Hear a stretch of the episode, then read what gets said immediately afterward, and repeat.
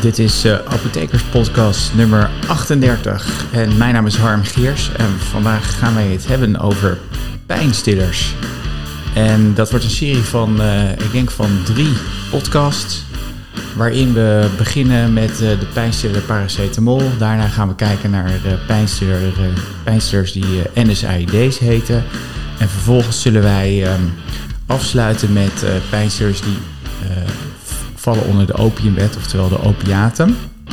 En uh, we beginnen eigenlijk vandaag met, uh, met uh, het eerste gedeelte. Dat, zijn de, dat is de pijnstiller die eigenlijk het meest gebruikt wordt. Dat is, dat is paracetamol.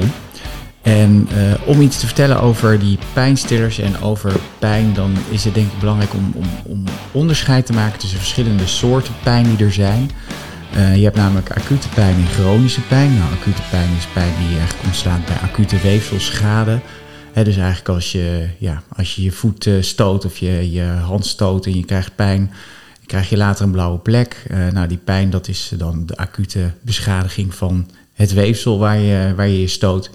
En je hebt ook chronische pijn, dat is pijn die langer duurt en langer aanhoudt en soms ja, zelfs altijd aanwezig is. Um, en daarna, daarnaast wordt er ook wel onderscheid gemaakt, en dat hoor je ook wel eens in nociceptieve pijn en neuropathische pijn. Nou, nociceptieve pijn is eigenlijk pijn overal aan weefsel, behalve aan zenuwweefsel. En neuropathische pijn, dat zegt het al, neuro is zenuw. En dat is zenuwpijn. Dat is ook de, gelijk een van de meest lastige te behandelen soorten pijn. Uh, maar daar komen we later misschien nog op terug uh, als, we, als we het hebben over de, over de andere pijnstillers. Want die worden eigenlijk ook niet per se door, uh, door NSAID's, paracetamol of opiaten... Uh, worden die, wordt die neuropathische pijn behandeld. Dan heb je ook vaak antiepileptica die daarvoor gebruikt wordt. Um, nou ja, belangrijk om te weten is dat pijn eigenlijk pas wordt waargenomen en wordt geïnterpreteerd in de hersenen. Dus met andere woorden, uh, die weefselschade die, uh, die komt aan in de hersenen en de hersenen moeten dat dan uitleggen en vertalen als pijn. En bij pijn is ook heel belangrijk om te weten dat naast uh, dat, er, hè, dat, dat er in die hersenen iets gebeurt, dat pijn ook een emotionele, belangrijke emotionele component heeft. Je ziet ook altijd als iemand pijn heeft dat hij, vooral kinderen zie je dat, dat hij er een soort van uh, ja, gezicht bij trekken alsof ze pijn hebben. En, bij volwassenen zie je dat ook. Uh, dat betekent dus die belangrijk, die emotionele component is ook heel erg belangrijk. En um, ook, om, ook omdat je weet dat, dat bekend is, dat als je je hersenen bezighoudt met iets anders dan die pijn, dat de pijnbeleving ook minder wordt. Dus het is afleiding, geeft, uh, dat, dat geeft dat je hersenen bezig zijn met andere taken. Met name bewegen bijvoorbeeld is een hele belangrijke daarin. Dat als je veel beweegt, dan wordt de pijnwaarneming wordt minder. Omdat je hersenen eigenlijk te druk zijn met andere zaken. En ook placebo's, hè, dat zijn eigenlijk neppillen. Die hebben ook een hele belangrijke rol bij uh, pijnstilling. Uh, denk maar bijvoorbeeld aan het kusje op de, op de op de pijn bij een kind, wat al eigenlijk altijd acuut al werkt. Um, dat werkt bij volwassenen ook zo. Um, ik heb een, eh, een, een onderzoek gelezen, laatst of een cursus gehoord, dat er in, uh, in Duitsland een pijnkliniek is waar mensen echt die maar ja, eigenlijk al zo'n beetje uitbehandelde pijn hebben. Die krijgen dan twee keer per dag een pijnstiller en ze weten op een gegeven moment dat ze een placebo krijgen, een neppil krijgen. En het lijkt, eh, het lijkt zo te zijn dat die mensen een pijnstilling krijgen. Uh, op een gegeven moment, na, na een aantal weken, wordt, wordt, wordt de pijnstiller wordt vervangen door een placebo. En dat die mensen die krijgen na, na verloop van tijd, hebben ze nog maar twee keer per week de echte pijnstiller. En de rest van de dagen hebben ze een placebo. En dat geeft een goede controle van hun pijn. Dus hè, het is heel erg belangrijk om te weten dat dat speelt. En dat die afleiding en die uh, die emotionele component belangrijk is. Dus het is heel belangrijk om afleiding te zoeken als je pijn hebt. Zeker als je chronische pijn hebt. En een, een, mechanisme te bedenken om daarmee om te gaan. En dat kan ook aangeleerd worden. dus dat is, het, uh, dat, is, dat is een van de belangrijke dingen die, die gedaan moet worden. Uh, nou ja, dan heb je natuurlijk allerlei pijnstillers. En een van de meest belangrijke pijnstillers die we gebruiken is paracetamol. Dat heet in de Verenigde Staten heet het acetaminophen. Het is eigenlijk een, een eerste keusmiddel wat gebruikt wordt. En, en de meeste mensen hebben ook gewoon paracetamol netjes gewoon in hun huis staan, in een, in medicijnkastje staan. En ja, paracetamol wordt eigenlijk altijd als eerste keusmiddel aanbevolen. Um, nou, paracetamol is in die zin is het heel belangrijk om te realiseren dat als je paracetamol gebruikt, want ik hoor heel vaak mensen zeggen, ja, die paracetamol hartstikke mooi, maar het werkt er helemaal niet, het is veel te zwakke pijnstilling. Dan is altijd mijn volgende vraag, ja, hoe vaak neemt u die paracetamol dan in? want paracetamol heeft een hele korte werkingsduur. De halfwaardetijd van paracetamol, als we luisteren naar de, naar de apotheekspodcast over farmacokinetiek, weten we wat de halfwaardetijd is. Maar die is maar 2,7 uur. Dus dat betekent dat elke 2,7 uur de dosering of de hoeveelheid paracetamol in het bloed gehalveerd wordt. Dus dat betekent als je één paracetamolletje neemt, of je neemt twee paracetamolletjes, dat op een gegeven moment snel is uitgewerkt. Verder is het belangrijk dat je ook een spiegel opbouwt. Want als je uh, geen uh, je concentratie in het bloed niet onder de minimaal effectieve concentratie is, dus met name als je gewoon één tabletje hebt genomen, dan kan het zijn dat je die minimaal effectieve concentratie niet bereikt of heel kort bereikt. En dan werkt paracetamol niet. En ik zie heel vaak in de dagelijkse praktijk dat, uh, dat mensen zeggen: Ja, ik heb al paracetamol geprobeerd, het werkt niet. En dan komen ze met een voorschrift van de, van de, van de huisarts. En die zegt dan: Ja, ik, ik ga iets anders voorschrijven.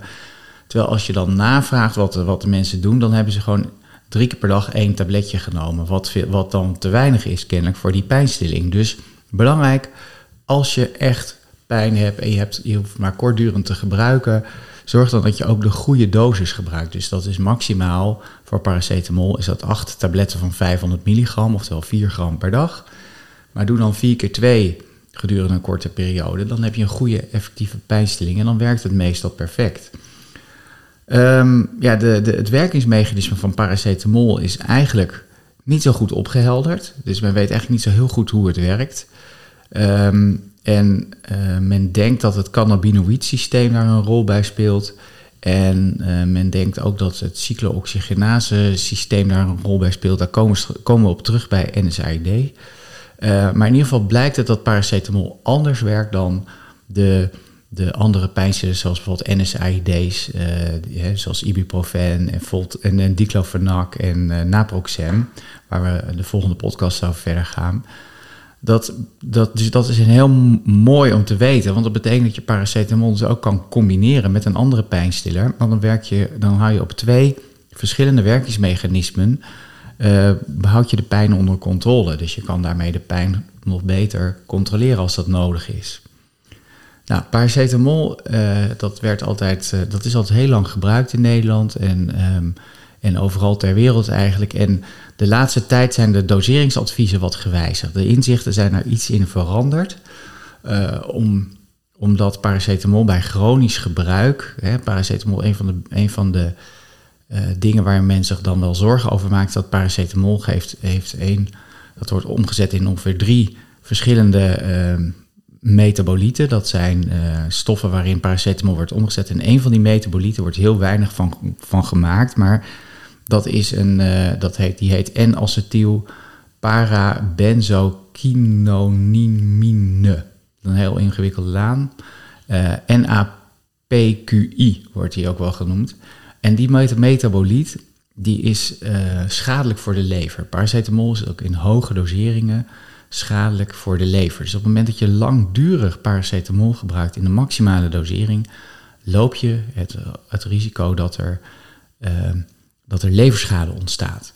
En uh, vroeger dacht men, nou dat valt allemaal wel mee, maar men is daar toch wat van teruggekomen. Men denkt dan, nou ja, men heeft toch gezegd van, nou, als we paracetamol tot een maand gebruiken, mag je gewoon rustig vier keer per dag twee tabletten gebruiken. Dus vier keer een gram per dag. Maar gebruik je het nu langer dan een maand, dan adviseren we dat de dosering naar 2,5 gram per dag moet. En dan is dat, zitten daar nog een paar dingetjes, een paar addertjes onder het gras. Want er zijn ook mensen die risicofactoren lopen om die leverschade sneller te ontwikkelen bij gebruik van paracetamol. En dat zijn mensen die, uh, nou, dat zijn eigenlijk soort, zijn dat acht groepen, maar een daarvan zijn, is de mensen die chronisch meer dan vier alcoholconsumpties per dag gebruiken. En mensen die bepaalde um, geneesmiddelen gebruiken, die zorgen dat in de lever het, het cytochroom P450-2E1 enzym wordt, uh, wordt geïnduceerd. Dat betekent dat, er, dat door, die, door het gebruik van die geneesmiddelen meer van dat cytochroom P452E1 uh, enzym wordt aangemaakt. Zoals CYP2E1 wordt het ook wel genoemd, dat enzym. En dat CYP2E1 is, dat is verantwoordelijk voor, het, voor, die, voor de vorming van die hepatotoxische, dus voor die lever, die toxische metaboliet voor de lever, dat NAPQI. En als je dus dat CYP2E1 gaat induceren, dus dat er meer van komt, dus bijvoorbeeld door isoniazide, door rifampicine, door carbamazepine, door phenytoïne of door phenobarbital, dan wordt dat enzym meer aangemaakt in je lever en dan zal er ook meer van die metaboliet gevormd worden. En nou ja, dat wil je dus voorkomen. Um, verder is een slechte voedingstoestand of een eiwitarm dieet, hè, als mensen minder dan 50 kilo wegen of ze eten heel slecht, dan krijg je ook afnemende leverfuncties. Dus als je dan een hogere dosering paracetamol gebruikt, dan, dan neemt het risico op leverschade ook iets toe. Uh, in combinatie met andere pijnstillers zoals opiaten of NSAID's moet je, wil je ook vaak een lagere dosering paracetamol geven. En mensen met een hogere leeftijd, en ja, dat kan je niet helemaal precies zeggen welke leeftijd dat dan is, maar laten we even zeggen boven de 75 jaar of boven de 70 jaar dan neemt de levercapaciteit van die mensen neemt af. Maar ja, dat ligt ook een beetje aan de, gezondheidstoestand waarin iemand zich verkeert. Um, dus ja, dan is men ook altijd voorzichtiger.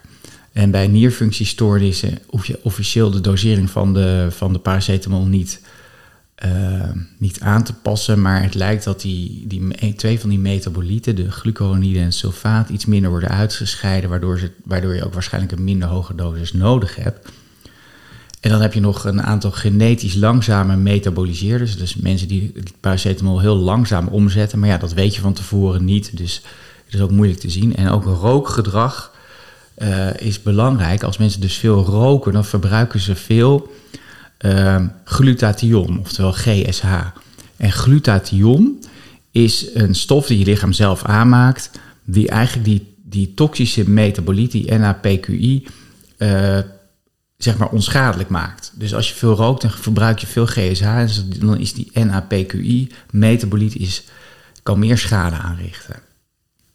Nou, dus dat is eh, belangrijk om te weten bij paracetamol, dat je, dat je dus de, de, de maximale dosering niet moet overschrijden en dat je bij langdurig gebruik een lagere dosis moet nemen. En bij risicofactoren is die, hè, dus bij langdurig gebruik betekent dat langer dan een maand, mag je maximaal 2,5 gram, dus dat zijn vijf tabletten van 500 milligram, mag je gebruiken. En bij risicofactoren, bijvoorbeeld uh, als, je, als iemand meer dan vier alcoholconsumpties per dag gebruikt, is het maximale dosering 2 gram. En bij meerdere risicofactoren is het zelfs maximaal 1,5 gram. Dus als iemand heel erg oud is, en hij gebruikt vier alcoholconsumpties, dan is het verstandiger om maximaal anderhalve gram te gebruiken. Nou, die, die leverschade, dat is eigenlijk iets wat, ja, wat natuurlijk waar we, waar we voorzichtig mee willen zijn, omdat dat natuurlijk ja, irreversibel is. Hè. Dus je kan er verder niet zoveel meer aan doen. Als het eenmaal ontstaat, dan ontstaat het en dan, uh, dan leidt dat ook tot, uh, tot ernstige schade bij mensen, zelfs tot de, met de dood tot gevolg. Um, en die acute leverschade kan wel optreden bij overdoseringen van, hè, van 6 gram. Dus dat is, uh, dat is niet eens zo heel veel in één keer. Dat is vaak wel, dat, dat, dat, dat, als dat gebeurt, is dat vaak bewust gedaan door mensen. Hè, en, en bijvoorbeeld door een zelfmoordpoging. Uh, maar sommige mensen hebben dat ook niet door dat ze zoveel mogen. En die blijven maar door eten van de paracetamol. Dat is wel gevaarlijk. Dus dat moeten mensen niet doen. En bij chronisch gebruik is het optreden van leverschade dat risico ongeveer 2 op de 100.000. Dus dat is heel erg laag. Maar goed, desalniettemin proberen we toch die voorzorgen aan te houden. Um, paracetamol wordt ook wel gebruikt bij kleine kinderen en bij baby's via een zetpil. En um, nou, zo'n zetpil is op zich heel prettig voor als mensen niet kunnen slikken, maar het heeft ook wel een nadeel, want het, de absorptie is vaak langzaam. Het wordt langzaam opgenomen en is ook heel erg wisselend. En de dosering van een bij een zetpil kan daardoor iets anders zijn. Vaak is die iets hoger. Um, En nou ja, dat is per, per leeftijdsgroep is dat verschillend. Dat kunt u met uw apotheker prima doorspreken wat de dosering is. Vaak staat het ook op het, op het, op het doosje. En het is ook zo dat bijvoorbeeld als mensen acute pijn hebben, dan hebben ze waarschijnlijk kortdurend die paracetamol nodig. Dan mag je vaak wat hoger doseren dan bij chronisch gebruik. Dat is ook heel belangrijk om te weten. Maar dat snapt u denk ik ook wel aan wat ik verteld heb. Ehm, nou, die bijwerkingen van paracetamol dan, die zijn over het algemeen uh, zijn dat echt zeer weinig bijwerkingen. En um, ja, hoef je daar ook niet zo heel erg bang voor te zijn. Bij langdurig gebruik het, lijkt het erop dat het risico van hart- en vaatziekten ietsje toeneemt. Maar ja, dat is, uh, dat is moeilijk aan te tonen. Ook maag-darmklachten komen iets voor en bijwerkingen op de nier komen iets, iets vaker voor. Maar over het algemeen is, is uh, de hoeveelheid dat optreedt heel erg weinig en, en, het risico is heel erg klein. Hè, dus paracetamol is een relatief heel veilige pijnstiller. Het is zelfs zo veilig dat het tijdens de zwangerschap ook uh, gebruikt kan worden. Mits kortdurend gebruikt in een zo laag mogelijke dosering. En um, zelfs tijdens borstvoeding kan het gebruikt worden. Het wordt daar gezien als het meest veilige middel. Maar ook hier wordt, uh, wordt het aanbevolen om het zo kort mogelijk te gebruiken en in een, uh, in een lage dosis. En uh, dat was eigenlijk wat ik wilde vertellen vandaag over, over paracetamol. De eerste stap in de, in de pijnstilling. Um, ik wil u hartelijk danken voor het luisteren naar deze apothekerspodcast. En ik hoop dat u, uh, dat u een positieve reactie wilt geven. En vertel het vooral door aan vrienden en familie. En ik hoop u volgende week weer aan te treffen. En dan gaan we het hebben over NSAID's, uh, oftewel non-steroidal anti-inflammatory drugs. Uh, ook een groep geneesmiddelen die regelmatig gebruikt worden met de nodige bijwerkingen. Tot de volgende keer. En mijn naam is Harm Geers en ik ben apotheker en ik spreek u volgende week.